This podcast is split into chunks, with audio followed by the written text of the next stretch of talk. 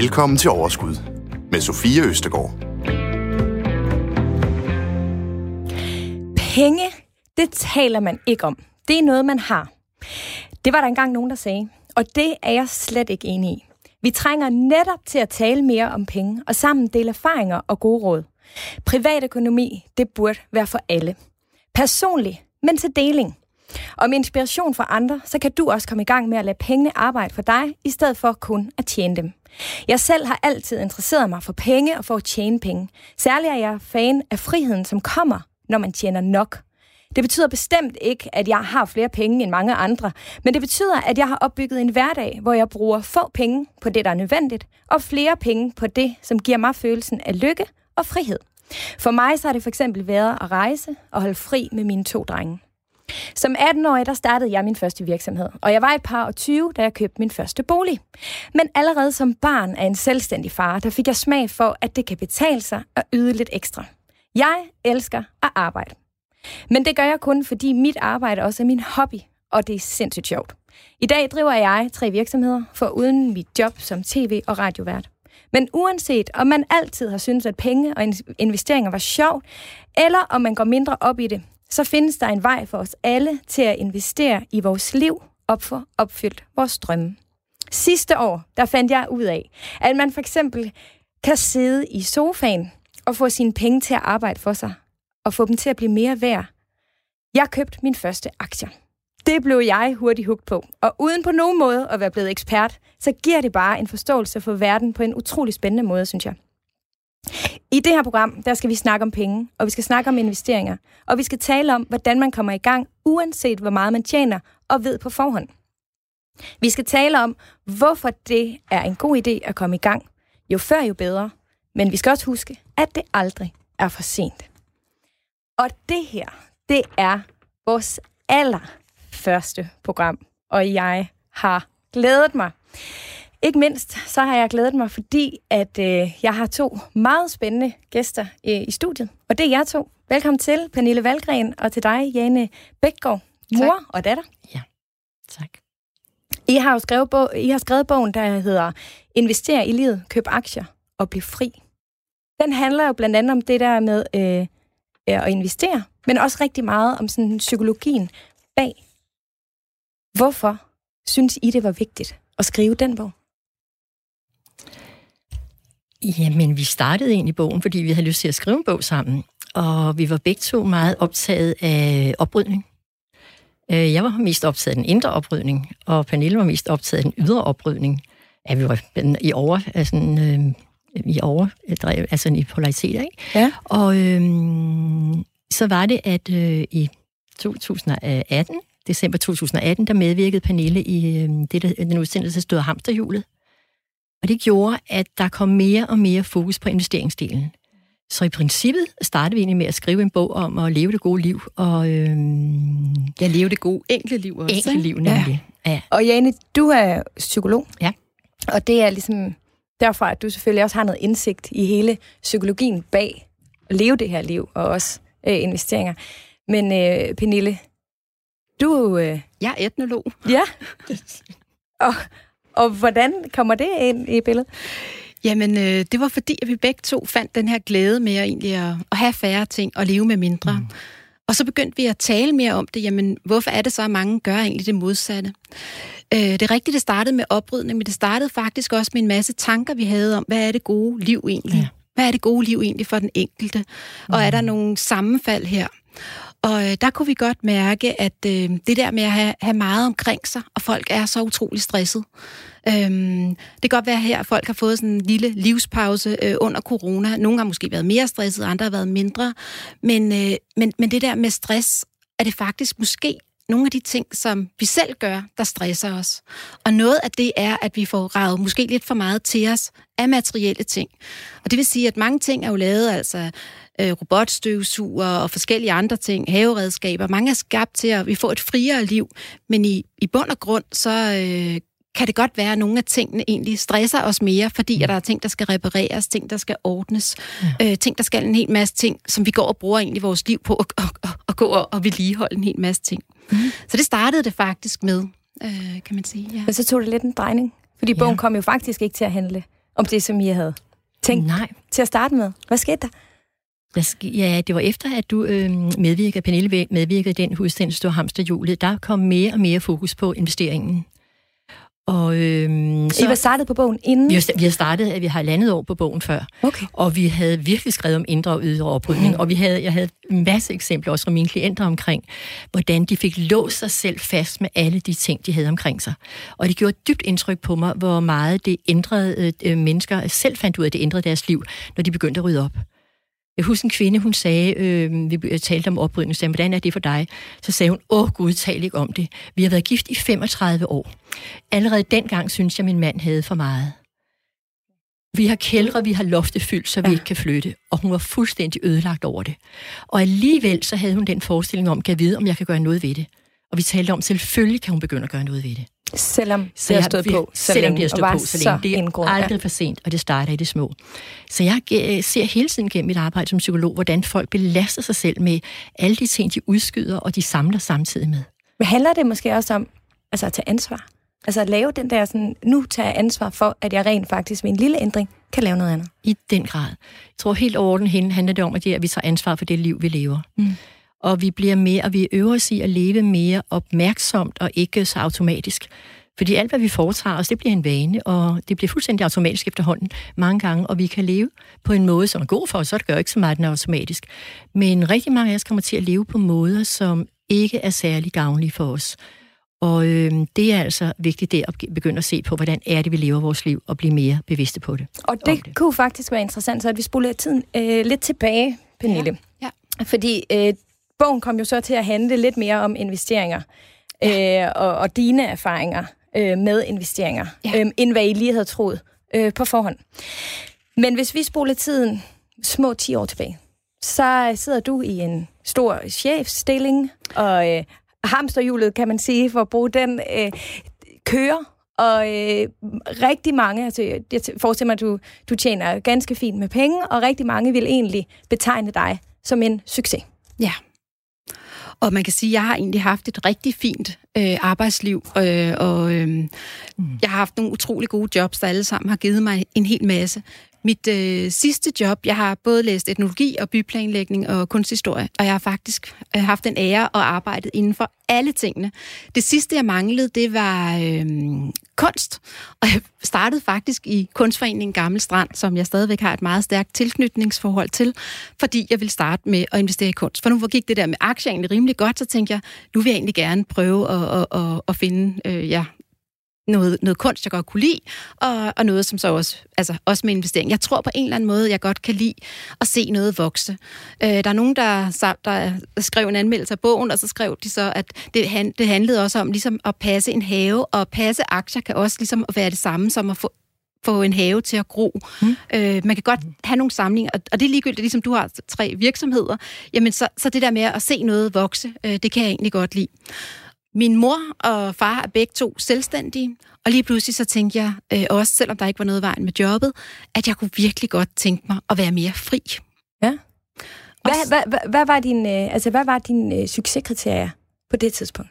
Jamen, det var hele tiden har jeg haft succeskriterier. Jeg har et godt job, øh, god villa, øh, øh, en masse ydre statussymboler også. Fine øh, tasker, det kan jeg stadigvæk godt lide. Ja, men, det men jeg havde det måske lidt anderledes, at det var meget med, at jeg hele tiden, siden min barndom, har jeg drømt om det her store hus, hvor jeg skulle holde juleaften med mine børn og, og så videre. Øh, men, men lige pludselig en dag, så tænkte jeg bare, hvad er det hele egentlig for noget? Øh, hvad får dig til at tænke sådan? Jamen, øh, blandt andet øh, en begravelse, jeg var til, hvor øh, at øh, øh, den afdøde, hun øh, havde alt det, jeg drømte om. Alt det perfekte. Men da datteren så lige inden begravelsen øh, fortæller, at man kan sige meget, alt er jo, var jo så fint, men hun var der aldrig for mig. Oh. Og det, det virkede bare utrolig stærkt for mig, fordi det gjorde bare, at jeg lige pludselig sad der og gik hjem og tænkte, jamen hvad er det vigtigste egentlig i mit liv? Er det, jeg har en masse ydre ting, og jeg, vi, jeg ligner en succes? Fordi vi kan jo alle sammen godt lide at ligne en succes, at vi har fået har råd til at have et hus der, og vi har alle de her sådan, ting. Men der, må jeg der tænkte jeg, det der egentlig er aller, aller vigtigst, når mine drenge en dag skal stå og holde en tale for mig, det er, at de for guds skyld ikke siger, at jeg aldrig var der. De driller mig, så kan jeg lige sige til lytterne her, at, øh, at de elsker at sige, at jeg arbejder konstant og altid sidder med min computer. Men jeg hørte dem så snakke med en anden ven, som sagde, at min mor arbejder ikke så meget. Og så, så sagde jeg, hvad siger du egentlig, Johannes, om, om din mor? Om jeg siger, du ikke arbejder, men til mig, der siger han, at jeg aldrig er nærværende. De okay. ved jo lige, hvor de skal trykke. Ja, ja, præcis. Så. Ja, ja. ja.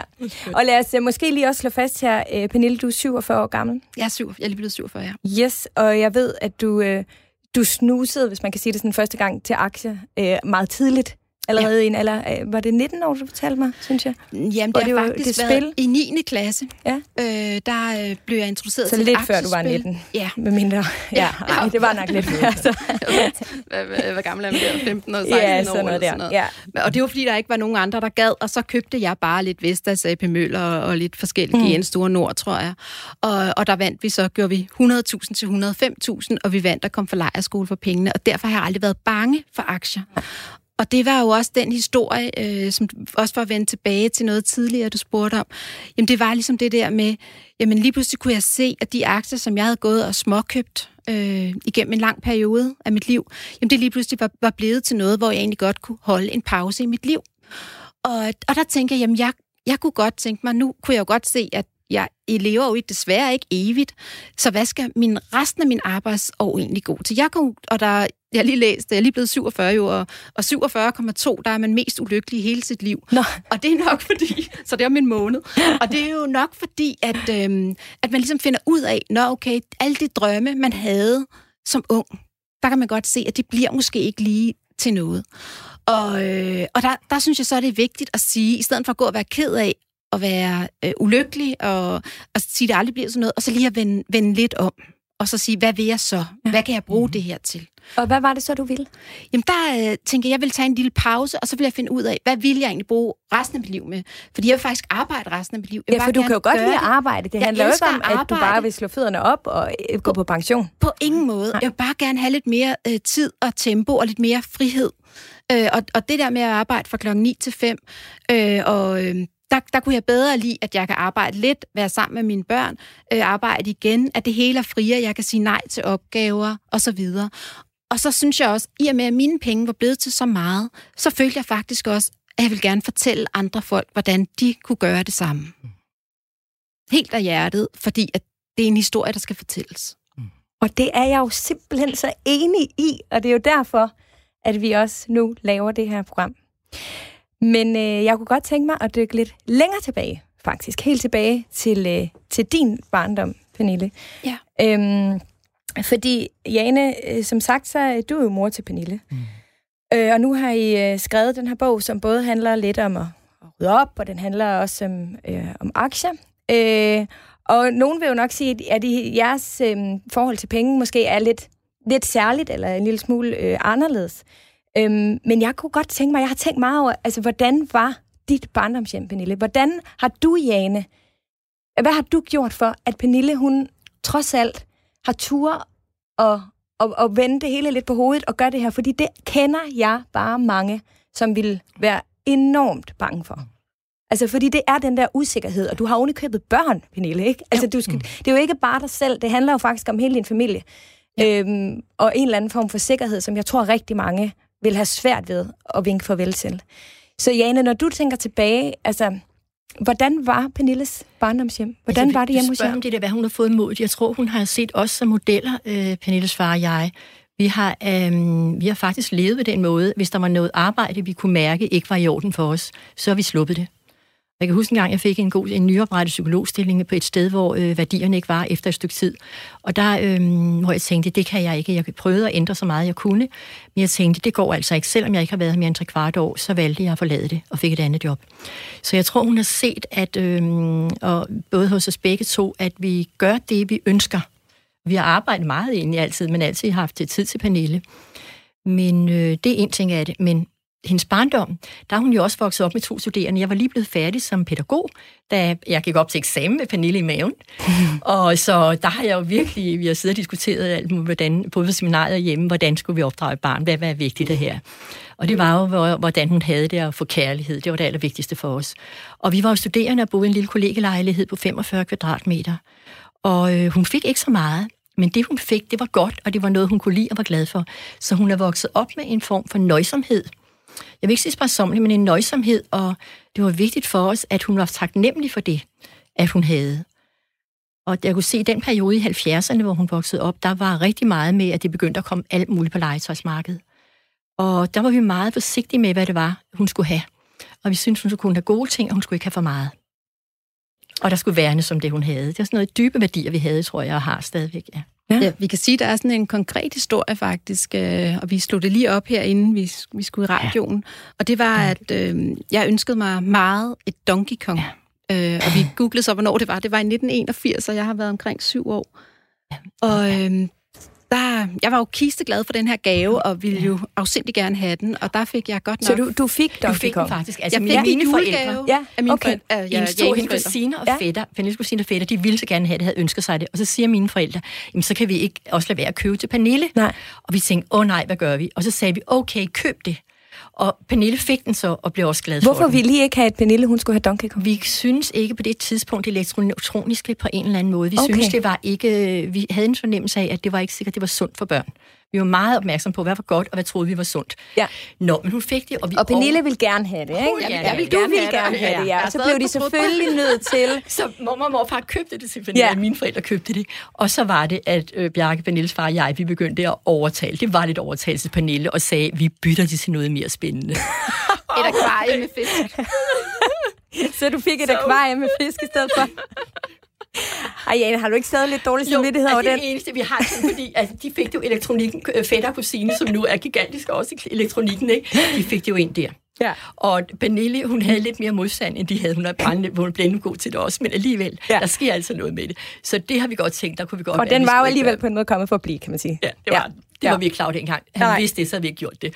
Men øh, de var gode til, at fætter og kusiner var rigtig gode til, når vi var sammen med dem, og det var vi meget. De, øh, så, øh, Man kan egentlig sige, at min kusine og jeg, vi er lige gamle.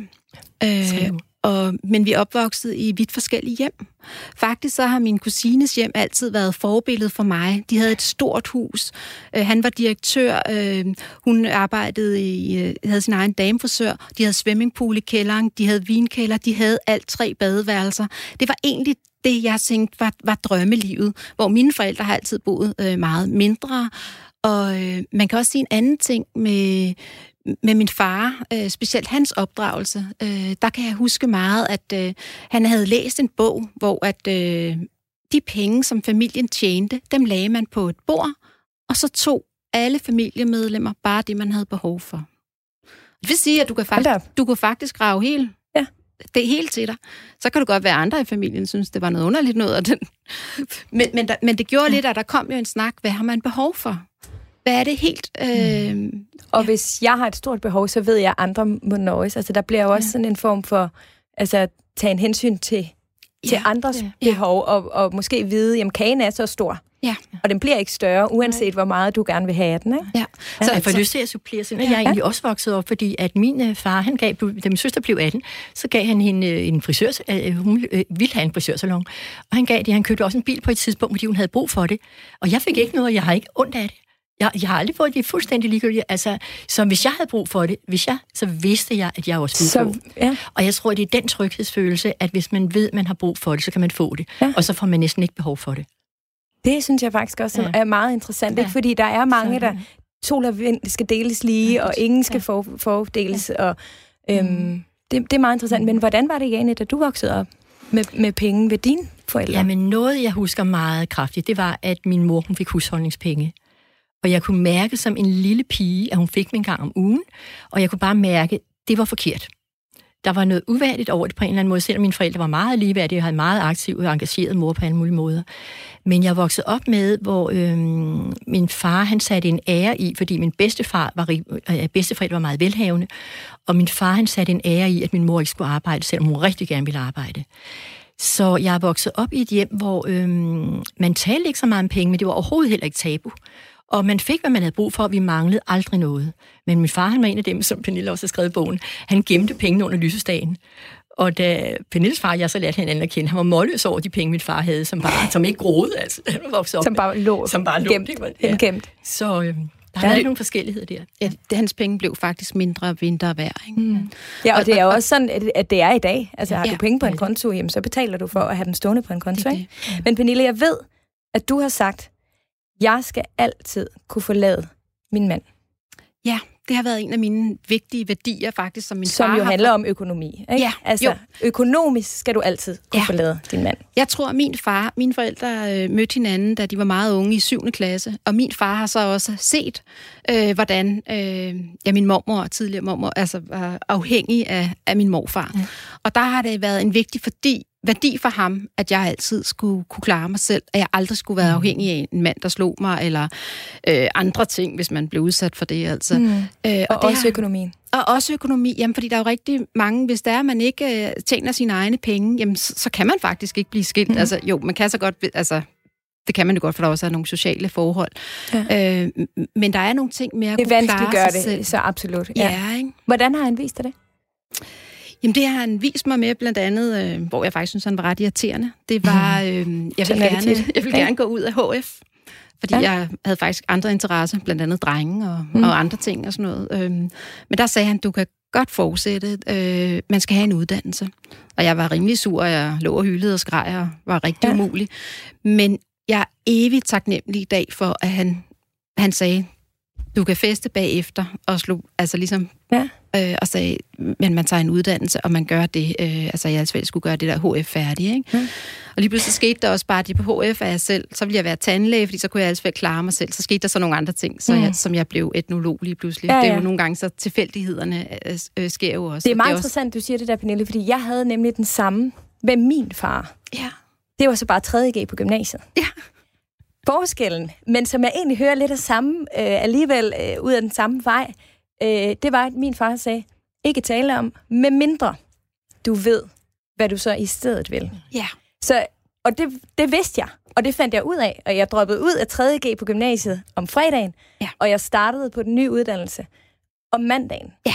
Så jeg føler lidt, at det har været den samme, hvor din far måske har vurderet, at det var ikke de rigtige årsager, at du måske lige nu ikke synes, at det var interessant at gå øh, på Netop. HF, ikke? Ja. Men, men stadigvæk sådan den samme øh, tankegang, der hedder, ja. Du skal ikke bare droppe ud, fordi du ikke gider lige nu. Altså Nej, den der, det der ligge i en lære noget hængekøje, ikke? vedholdenhed, Ja. ikke? Ja, præcis. Ja. Så hvis jeg havde et andet alternativ, så kan det også være, at han var mere åben. Men, Ja, men præcis. der med Ja, men det, det er det, jeg længe. tænker. Ja. Men, men jeg, har, øh, jeg har altså veninder, øh, gamle kollegaer, som har fortalt mig historien om, øh, altså jeg har, jeg har en, som øh, øh, efter øh, barn nummer to, øh, øh, øh, meget drastisk øh, forlod øh, han hende, lige da, da, lige da hun havde født, og hun vidste ikke engang, hvordan hun loggede ind på netbanken. Nej. Altså, og andre eksempler med, med, med, men nu er det jo så lige kvinder, fordi jeg er kvinde, det kan formentlig også øh, Ja, det kan gå også den anden vej, men der- ofte synes jeg bare, Ja. at det er kvinderne, der sidder lidt tilbage. Og det viser statistikkerne jo altså også desværre, at der er øh, overtal af kvinder, der ikke øh, altid har så meget styr på det. En, øh, altså hvor vi går på barsel, og så har mændene øh, gode pensioner ja. og får, får større stillinger, mens vi lige er ude af arbejdsmarkedet ja. i nogle år Men, og sådan noget. men Ikke? det vil jeg også lige sige, fordi at øh, det her med penge og, og, og tabu og sådan noget, øh, fordi vi skal også have mændene med. Jeg har faktisk øh, snakket med mænd, som øh, både har haft problemer med overforbrug, men også synes, det er ekstremt pinligt, at de ikke ved det her med aktier.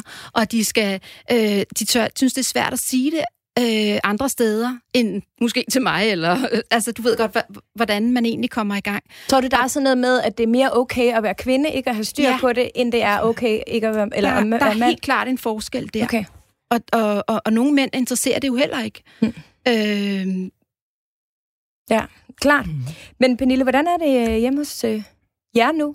Dig og din øh, kæreste har I øh, fælles økonomi? jamen, øh, jeg har aldrig... Er det din mormor og morfars eksempel, eller er det din for- forældres lever- eksempel, du praktiserer derhjemme? Jeg lever efter, min mor og far, de har heller aldrig været gift, og øh, har altid haft deres øh, separate konto. Og øh, min kæreste og jeg, vi har børn sammen, to børn på øh, 10 og 12, to drenge. Og øh, vi har heller ikke øh, fælles konto. Som vi lige sagde, inden vi skulle i studiet, at vi, ja, vi har også øh, fælles udgifter og sådan noget, men jeg betaler huslejen, og, og han betaler noget andet. Og sådan har det bare altid været.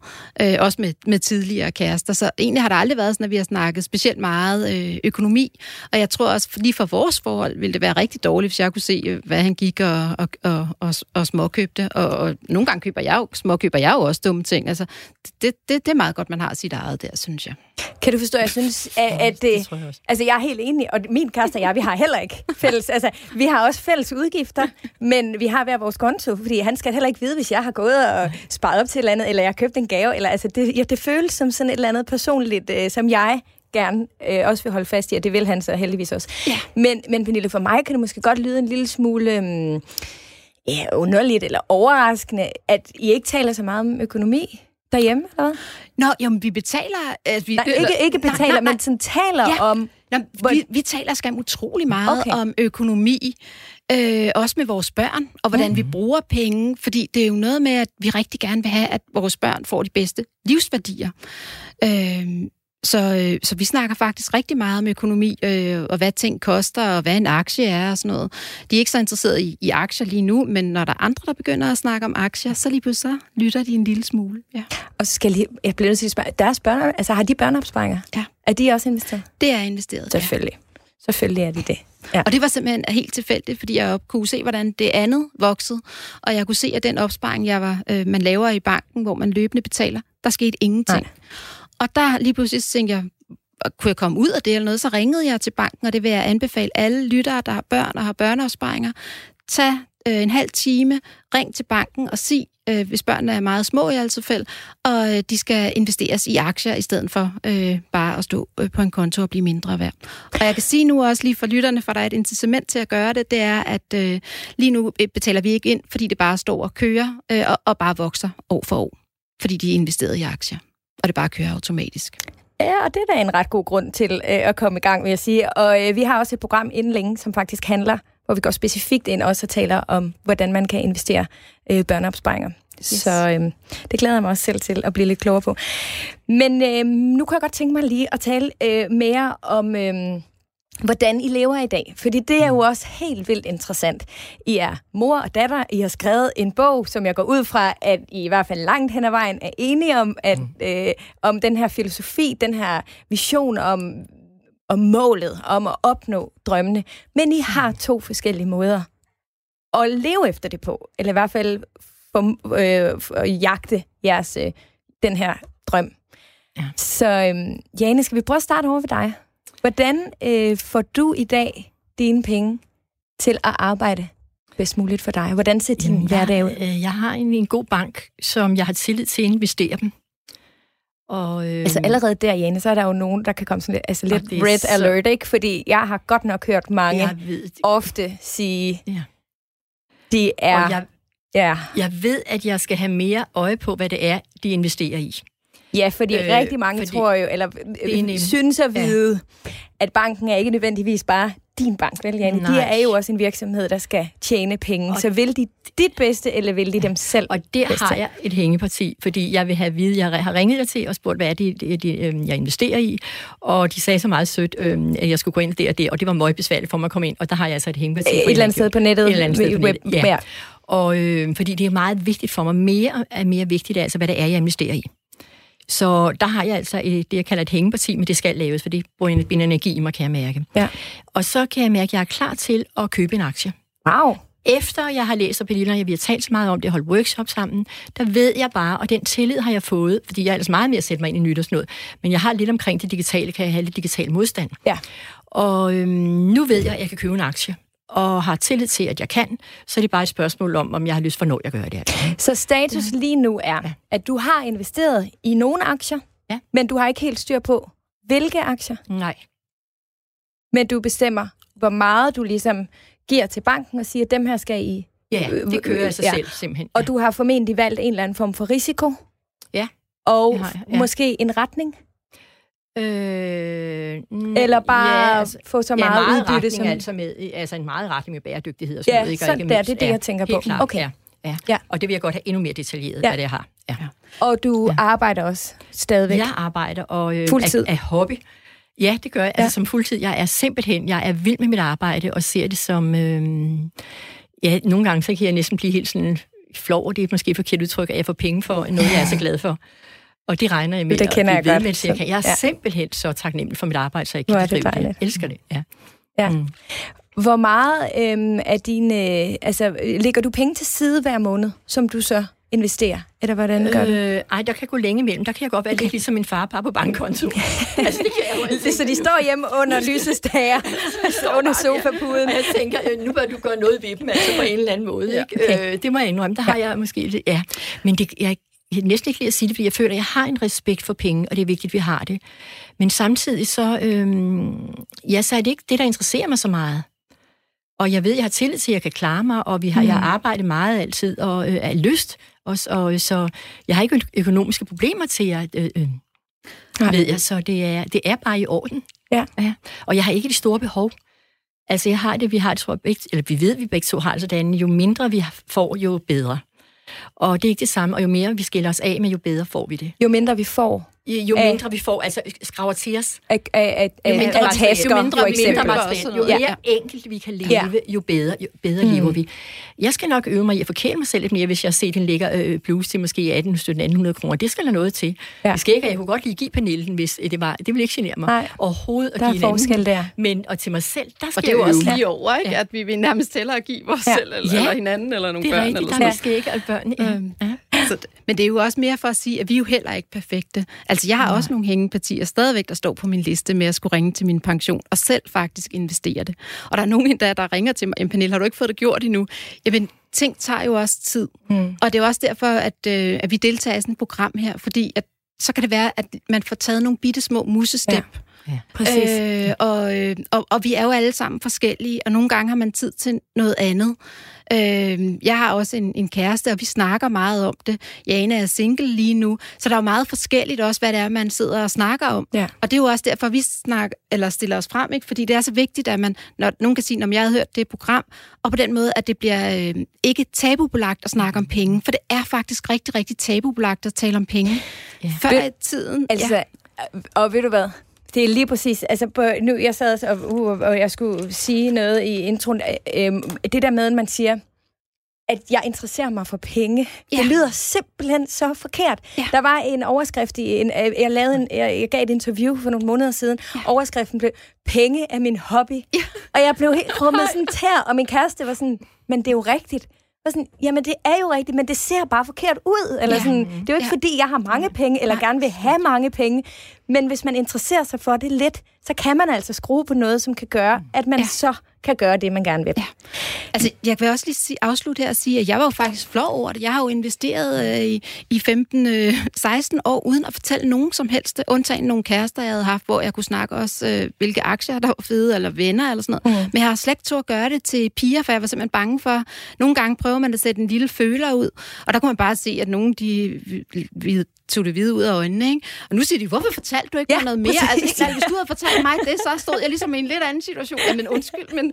Og det er det, vi gør nu, og det er så vigtigt, og derfor er jeg simpelthen så glad for, at I er kommet. Ikke mindst fordi I jo også repræsenterer forskelligheden. I repræsenterer jo også, at der er forskellige måder at gøre det på, alt efter hvor meget man selv har lyst til, for eksempel at sidde med enkeltaktier, eller selv tage øh, beslutning om, hvad præcis det skal være. Øhm, og nu har vi hørt Jane. Nu kan jeg godt tænke mig lige, Pernille, at du også lige ganske kort jeg fortæller. supplere med én ting? Ja, det må du det gerne. Er, øh, det er, at Pernille siger det med, at... Øhm, altså, jeg på et tidspunkt blev jeg faktisk bekymret, og Pernilles far også, vi talte om det, med, hvad er det med hende aktier? Over Pernille? Ja. Ja. ikke ham så meget, men mere mig. Er det, bliver man bekymret som mor, at det er sådan lidt Jeg, jeg, jeg var gambler lidt på bange. Nej, jeg var mere Nå. bange. Hun bruger for meget tid på det. Og, Okay. og så spørger jeg hende en dag, så siger Pernille, hvad er det egentlig, det giver dig? Alt det her med investering. Det var mens vi i begyndelsen, vi skrev bogen også, hvad er det egentlig, det giver dig? Og der fik jeg altså en historie. Pernille sad fuldstændig nærværende og beskrev, hvor meget hun havde lyst til at bidrage til, at øh, mennesker blev frie og gjorde det, de gerne ville i livet. Øhm, og at økono, øh, deres økonomiske situation ikke måtte forhindre dem. Og jeg sad bare, jeg fik nærmest tårer i øjnene yeah. og tænkte, hun er så meget i sit livsformål. Jeg skældner meget mellem, om man er i sit livsformål, eller man er i sit, og sit kald, eller om man er i sit ego, om man skal have en lederstilling. Øh, det har vi begge to gerne ville have haft. Altså for, for, ja. Men det var egentlig Og vores den ego, og det var ikke det, vi skulle. Ja. Ja. Nej. Og man er det, man skal bruges til. Og der kunne jeg bare mærke, der faldt jeg helt til ro. Og siden Men- har jeg ikke været bekymret. Men Jane, så bekymring, den ændrede sig til lidt stolthed. Ja, Ja, ikke? det er rigtigt. Det kan jeg godt Meget fornemme. Stor, helt Ja. klart. Men så er spørgsmålet, hvor meget tid, Pernille, bruger du på det? Fordi Jamen, øh, jeg har selvfølgelig gennem tiden, øh, hvor jeg har været på arbejde, og der har jeg siddet om aftenen og, og, og tjekket aktiekurser og, og købt ind. Øh, jeg købte også meget ind også under finanskrisen og sådan noget, men også at tjekke virksomheder. Øh, altså, jeg har godt kunne sidde om aftenen, du ved godt, øh, og også bare at snakke med folk, jamen, hvad, hvis, hvis der var en, der arbejdede i Novo Nordisk, jamen, hvordan er, hvad har I pipeline? Altså, du ved godt, det har, der har bare været sådan en naturlig interesse. Jeg er jo også etnolog, øh, og det kan man sige, der, jeg har mm. også læst virksomhedshistorie og sådan noget. Så jeg synes faktisk, det er interessant at høre virksomheder, hvordan nogen bliver afviklet, og hvordan nogle andre vokser op, og hvad der egentlig bliver fremtiden. Så øh, jeg bruger meget tid på ligesom at, at høre nyheder, øh, og jeg hører ofte finansnyheder, og Lars, som vi skal høre her om senere, ham lytter jeg ofte til. Øh, så, så, så jeg bruger tid på det, men det er ikke sådan, at jeg sidder og sælger og køber aktier, men det er mere øh, generelt interesse for samfundet. Og også, jamen, hvad er det børn? Altså lige nu, der er der der med TikTok, øh, køber Microsoft det, eller hvad? Øh, fordi mm. det er jo sådan noget, man kan sige en masse om TikTok, men det kunne være sådan en af fremtidens øh, øh, store ja. virksomheder. Så ikke? hvor mange timer, hvis du skal komme med et slag på testen, gennemsnit hver dag, hvad bruger du på dine aktier? Jamen, lige nu, jeg... som gør, at du også ligesom kan Jamen, øh, leve jeg, jeg, kø, jeg har 70 aktier, og jeg øh, køber og sælger øh, ikke særlig mange. Nogle gange køber jeg noget indeks nu, øh, som er det mest billige at gøre. Øh, jeg min aktie står bare, som jeg kan sige, i en suppegryde, og det bliver ikke øh, indskrænket, det, det står bare og, og, og vokser. Og ved du hvad, Pernille? Det er lige præcis sådan, at jeg håber, at jeres besøg her i dag og vores snak kan inspirere andre til at komme i gang. Tiden er desværre gået. Jeg håber, I vil kigge ind igen en anden gang, fordi det har så absolut været helt vildt interessant. Tusind tak til dig, Jane, og Sig tusind tak. tak også til dig, Pernille. Tak fordi du måtte tak, komme. Fordi du måtte komme. Ja. Det må I, og I er altid velkommen en anden gang. Nu, der skal vi netop have besøg af Lars, så vi laver en lille udskiftning her i studiet, og så skal vi tale meget mere. Du lytter til Radio 4. Lars Skovgaard Andersen, du er investeringsstrateg hos, hos Danske Bank. Ja. 57 år gammel. Nemlig. Du har været i Danske Bank i 40 år. Det er vildt. De sidste 27 år. Jeg synes du ikke også selv, det er vildt? Oh, det er lidt vildt, når man tænker på, hvor, hvor meget man ellers går og skifter job. Jeg må være heldig. Jeg har været heldig at være et sted, hvor jeg har fået nogle gode forskellige jobs, og jeg har et helt fantastisk job nu. Det har jeg haft de sidste 25 år. Men du kan ikke have haft mange andre job, Nej, men, sige. det, men der er forskellige. Du kan være rådgiver. Jeg har været rådgiver. Jeg har siddet med lån til medarbejdere, men jeg har haft den her kundekontakt også. Det er noget, der kommer mig til gode nu her, når jeg sidder med investeringer, fordi at kunne kommunikere investeringsbudskaber, det kan man gøre på mange måder, men... Det kan man, og det kunne jeg faktisk godt tænke mig at holde en lille smule fast i. Fordi, øh, Lars, ved du godt, at der faktisk er en del af os, som øh, faktisk synes, at det at være til møde i banken, det kan være altså næsten ubehageligt. Er det... du som investerings tidligere bankrådgiver, er du klar over det? Jamen, jeg tror, det har noget at gøre med, at vi ikke så tit kommer i banken. Det er ligesom at gå til tandlæge. Det er, vi husker nogle gange at gå ned og få lavet de der servicebesøg, men ofte så kommer vi ned, fordi vi har ondt i tænderne. Når du går ned i banken, så er det jo ikke sådan ligesom i gamle dage, hvor du lige kiggede ned. Du kommer ned, fordi der er et eller andet vigtigt, og så ved du, det er vigtigt, du skal komme derned, og der er nogle ting, du skal svare på, og du skal have styr på nogle ting. Ja, og så er der et eller andet med, nu sammenligner du det selv med tænder, har man ondt i økonomien, så har man heller ikke lyst til at sidde Nej, og det er jo der, altså, det er jo der du ofte kommer derned. Det er fordi, du dernede. har et behov for et ja. eller andet, og du er bange for, at du ikke får dine penge. Og så hører du måske flere af de her gange, hvor der er nogen, der ikke får det, de gerne vil have, end man hører om alle dem, der får det, de vil have. Jeg tror, at vi skal være bedre til at, at kigge ned til dem nede i banken, fordi vi kan faktisk godt hjælpe. Og nu er jeg gift med en af de allerbedste rådgiver i Danske Bank, Christine, og hun har nogle rigtig gode historier at komme hjem og fortælle mig, når jeg ellers bare sådan hører om, hvordan går det i Danske Bank sådan helt almindeligt. Så, så kig ned i banken, og så kan de hjælpe jer. Dig Og det har ikke Christine, noget I har to børn, ved jeg. Ja, det har vi. De må være sådan virkelig top-tunet til at få styr på deres økonomi resten af livet. Er det sådan der? Nej, det tror jeg faktisk ikke. De er sådan meget stort. De, jeg tror, det er sådan, man har ikke noget at spejle sig i sine forældre, hvis ikke det er noget, vi sådan dyrker derhjemme. Jeg vil sige, min yngste søn, han har sådan, han har ligesom forstået det der, at hvis der er noget, hvis man skal investere, sådan, hvis der er noget, man synes selv er spændende, så, så er det måske en god idé at investere nogle penge i det. Så han kom for 5-6 år siden og ville købe en aktie. Jeg skulle købe en aktie til ham, som som lavede lige nok det spil, som han brugte mange penge på. For hvis han brugte mange penge på det, så var der andre, der gjorde det. Og det har faktisk været en fantastisk investering. Men- Så et stolt far der. Det er jeg er godt lidt tænkt, stolt øh, over. Ja. Ja, men det er det der med, at de skal forstå, at nogle gange, når vi tæ- tænker investering, så er det sådan at prøve at, og få det ned på jorden. Mm. Kig ud i verden, hvad er det? Og så er det ikke alle ting, vi synes, der er super hotte, som også er gode investeringer. Men det er faktisk et meget godt eksempel. Det er, hvad bruger du selv penge på? Hvad tror du, der sker, når der er sådan en krise, som der er i øjeblik med mm. virus? Men så handler vi nok mere på nettet. Ja. Og så alle de ting, så kig, tænk det igen. Og det skal vi tale om lige om lidt. Men inden ja. så kunne jeg faktisk godt lige tænke mig at blive en lille smule... Altså, og Lars, det er jo ikke, fordi du skal stå til ansvar for alle bankrådgivere her i Danmark. Nej, og der er ikke nogen tvivl om, at øh, du er behageligt selskab, og du taler, så jeg, øh, vi forstår, hvad du snakker om. Men hvor meget går man op i det som bankrådgiver? Altså, jeg er med, altså når man bliver uddannet i en bank, så ja. lærer man jo selvfølgelig øh, om alle de ting, man skal lære om, og økonomi mm. og alt det her. Øh, og man lærer helt sikkert også en masse ord og øh, begreber, som, som vi almindelige måske ikke forstår. Altså, bliver I også uddannet i, hvordan, når I sidder over for en, som ikke har den fjerneste idé om det, mange det, af de ting, I taler om, altså hvordan det ligesom skal formidles, så vi er i... Der, jeg tror, vi alle sammen kan blive bedre, men jeg tror, en del af det at blive ansat, det er, at du skal have en basal viden, men så skal du være god til at kunne se kunderne for ja. spejle kunderne, når du taler med dem. Som jo også må være vidt forskellige, ikke? De er, du kan ikke tale til samme Ej. kunde på samme måde. Det er også derfor, vi begynder, når vi kommunikerer til vores kunder, så i gamle dage, så var det kun via skrift. Nu er det skrift, nu er det video, nu er det øh, Skypes, det er alt muligt. Vi ved, at vores kunder er forskellige, og hvis du, kun du forstår det, og kan formidle budskaber forskelligt, og ramme lige nøjagtigt på den rigtige frekvens, så har du tilfredse kunder, der bliver hos os. Så det er det, vi skal. Siger du så også med andre ord, at hvis man føler, at man har en rådgiver, der ikke kan netop det, som du siger nu, så er det okay at bede om en anden? Ja, det vil jeg mene i hvilken som helst bank. Hvis ikke man sminger med sin rådgiver, så må man jo bede om en anden. Det har ikke noget at gøre, at man får nej for lånet. Eller, det, det kan jo godt være, at det er ens person, der gør, at man ikke kan det. Men jeg synes da, at man skal finde en, man kan svinge med. Ja. det vil være helt naturligt. Ja, det tror jeg bare er et sindssygt godt sted at starte, hvis man, det hvis man synes, sikkert. det er lidt svært nogle gange øh, med økonomien.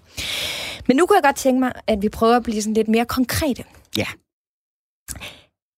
Hvad skal der til, hvis man gerne vil i gang med at investere, uanset hvordan. Altså hvis vi antager, at vi har et ganske almindeligt job, mm.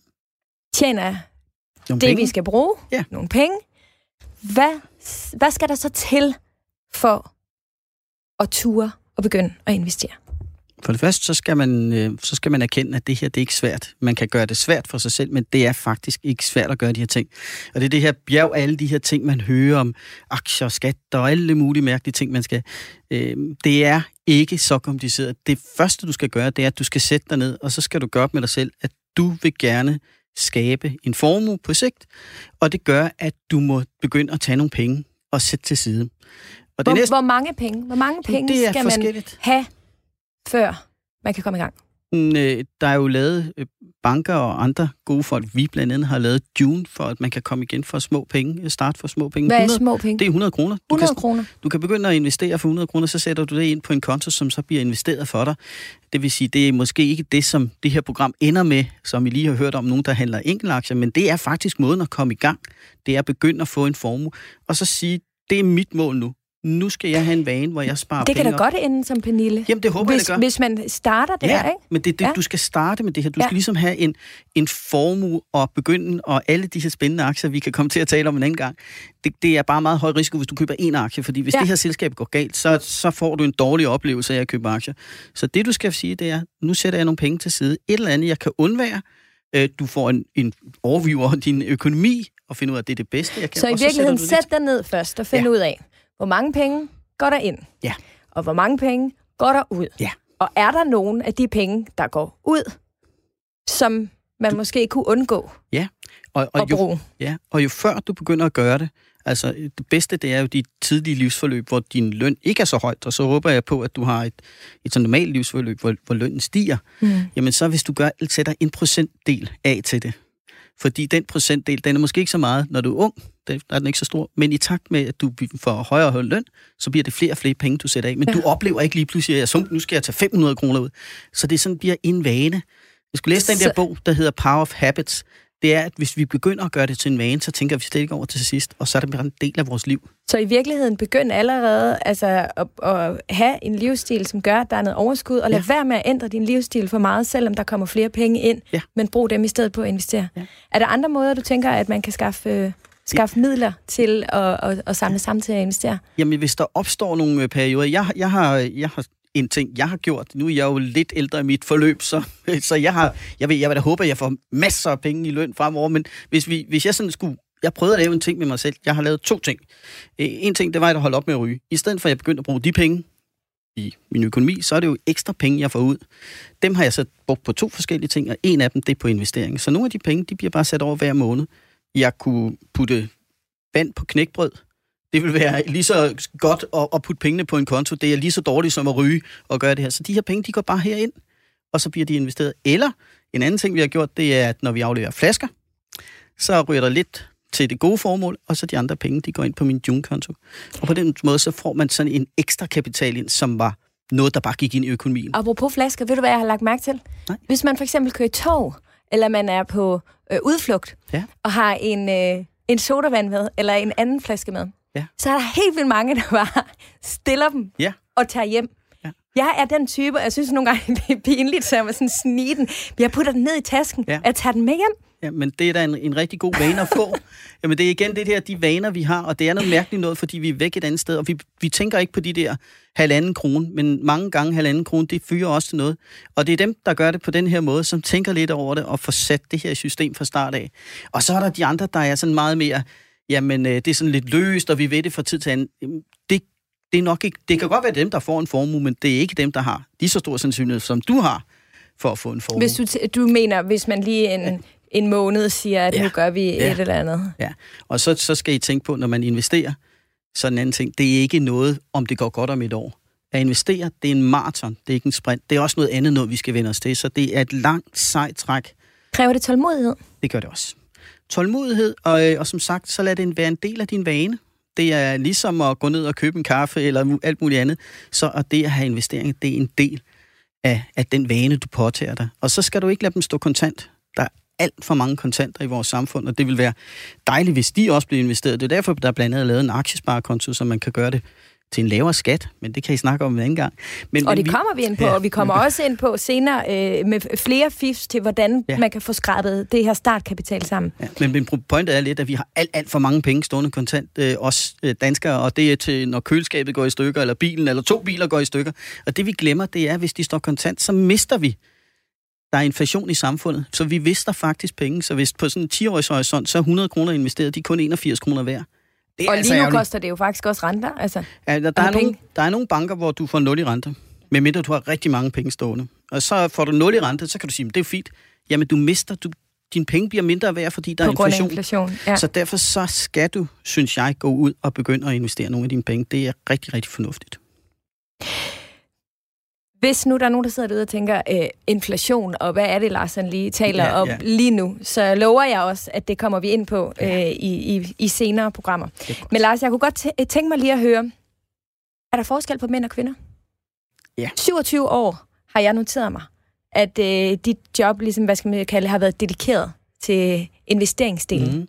Har du oplevet i de 27 år, at der er forskel på mænd og kvinder, når det Ja. kommer til investering? Det er der. Øh, Jeg ved ikke, om det har noget sådan med os urmenneske mændene, der skal ud og tage chancer og redde, øh, tage chancen og få noget mad, og så, så tager vi altså bare flere chancer, og kvinderne de er sådan lidt mere forsigtige og passer på flokken derhjemme med børnene. Så der er i den her forskel, øh, og det kan vi se. Men heldigvis, så kan jeg også se, at der er mange flere kvinder, der begynder at gå op i det her. Det er jeg rigtig, rigtig glad for. Jeg tror, at øh, kvinderne kan lære lidt af mændene at være lidt mere gå lidt mere op i det, og mændene kan nogle gange også klare lige at få styret hormonerne, ikke at være helt så spekulativ, som de godt kan være. Så, men det går, det går bedre, og det er, en rigtig, det er et smadret godt program, det her. Så forhåbentlig er der flere, der kommer i gang Ja. med det. Jeg har øhm, lavet min egen øh, sådan undersøgelse i, i netværket.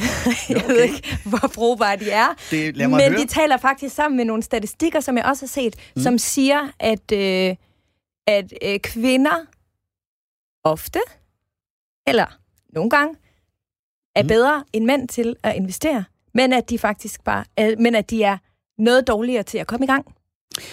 Ja, altså det kvinderne i hvert fald gør sådan, som udgangspunkt af nogle af de data, vi har, det er, at de har en mere forsigtig strategi. Det vil sige, når det, Det går spiller galt, måske meget godt sammen med den tålmodighed, som det, du mener. siger er Ja, vigtig. ja.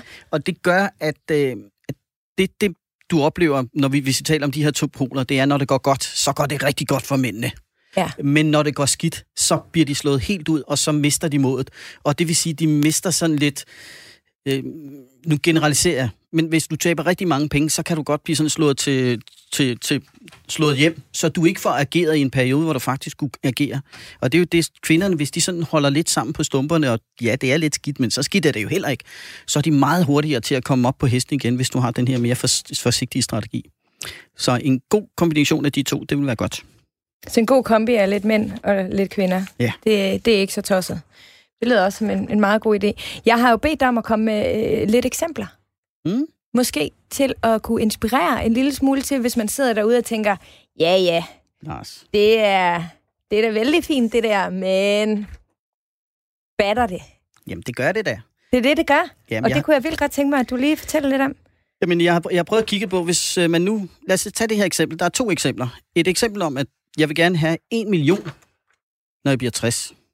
Hvad, hvor meget skal du så spare op om måneden? En million, det er godt nok mange penge. Det er mange penge, det kunne Når være... du bliver det, 60, siger du. Ja, når du bliver 60. Ja. Så der er stor forskel på, hvornår du kommer i gang. Ikke overraskende. Hvis du kommer i gang, når du er 20, så skal du faktisk alligevel sætte 650 kroner til side. Og det er sådan, så får du det Og det er afkast. ud fra sådan gennemsnittet af øh, Hvad man får. afkast, Ja, øh, ja. hvad man får ud af at investere 650 kroner. Ja. Og hvis du øh, venter... Er det om måneden? Det er om måneden, så 650 det er alligevel mange om penge. måneden, fra Ja. du er 20. Ja. Så er der jo nogen af os, hvor det er for sent. Ja, og så kommer du op, hvis du så kommer helt op, og du er 45. Det er du ikke, men lad os sige, hvis du er... Ikke meget galt. Nej, vi siger 30. Hvis du er 30, jamen, så er det nogle helt andre, så skal du sætte omkring, og jeg har det stående her. Jamen, så bliver det nede omkring, så bliver det omkring 3-4.000 kroner. Om Hvis du- måneden. Ja, og det bliver, det bliver jo meget markant. Et andet tal, som jeg sidder og kigger på, det er, hvor meget bliver 100 kroner, du sætter til side. Igen, hvis du vælger, jeg siger der bare kun 100 kroner til side, jamen når du er 60, så har du 140.000. Der er de, de 40.000, det, det er opsparing, så du får rigtig god afkast. Jo flere penge du sætter af, jo mere bliver det. Hvis man satte 100 kroner, hvornår? Fra det, hvor du var 20. Hvis jeg sætter 100 100 kroner til side om måneden, fra jeg er 20 til du bliver 60, til jeg bliver 60. så har du 148.000. Okay. Det er jo også mange. 100 kroner, det, Det er jo også mange det er penge. Men hvis jeg en, en sætter halvanden pizza. 600, så havde jeg En million. Ja. Ja. Det er, Men det er meget der, der, interessant. der, er, der er jo nogle forskelle midt imellem, og jeg tror langt de fleste, hvis du nu laver den her med, at det skal være en del af din procentdel af din løn, så tror jeg, at de fleste, for når de får den næste lønforhøjelse, eller de får jobbet, så kan man godt sætte 200 til side. Jeg tror, i, jeg, jeg ved godt, det, nu, nu generaliserer jeg, og 100 kroner lyder ikke meget for mig, synes jeg. Det betyder det nok for mange, hvis man ikke har midlerne. Men, men man kan godt finde 100 kroner et eller andet sted derinde. Det er jo selvfølgelig noget, der går ud af dit budget her og nu, men hvis du laver Ja. ja. det som en del af din løn og din stigninger, du får, så, så bliver det ikke til så meget. Så bliver det måske 150 om et år, 200, fordi du stiger i løn. Og så er det så, hvis man er lidt ældre, så skal man, Ja, så kan man prøve at finde lidt mere. Men det der er, hvis man er lidt ældre, så er man nok nogle af dem, der har rigtig mange penge stående kontant. Og dem, der er lidt ældre, der har rigtig mange stående, penge stående kontant, de skal altså i gang med at investere de her Men kan penge. du forstå, at det også øh, kan være øh, en smule utrygt, eller ja. Altså angstprovokerende? Fordi det er jo sikkert at have dem stående. Ja. Og du kan jo ikke garantere, Nej. at de penge bliver mere værd. Nej, altså jeg tror, det, der er det største problem, det er, at vi ligger, lever i sådan en breaking news-verden. Så folk er angste. Der er covid, der er handelskrig, der er et eller andet, der hele tiden bliver smasket ind i hovedet på os, som vi skal gå og være bange for. Og så er det her altså det mindste, vi går og tænker på, det er at lave investeringer. Og problemet er bare, at mange af de her historier, som er derude, og som fylder meget, og Brexit og alt det her, jeg skal komme efter, det tror vi, det er noget, vi skal forholde os til i relation til vores investeringer. Og rent faktisk, så har det kun en lille effekt på dine investeringer. Og det tror jeg faktisk, det er den allerstørste hemsko. Det er alt det, vi bliver bange for, gør, at vi gør noget herover, som faktisk er dekoblet af de her ting. Og det, gør, det får man jo kun at vide, hvis man lytter på det her program, eller et andet program, eller taler med sin rådgiver. Og lad det være en opfordring. Det synes jeg.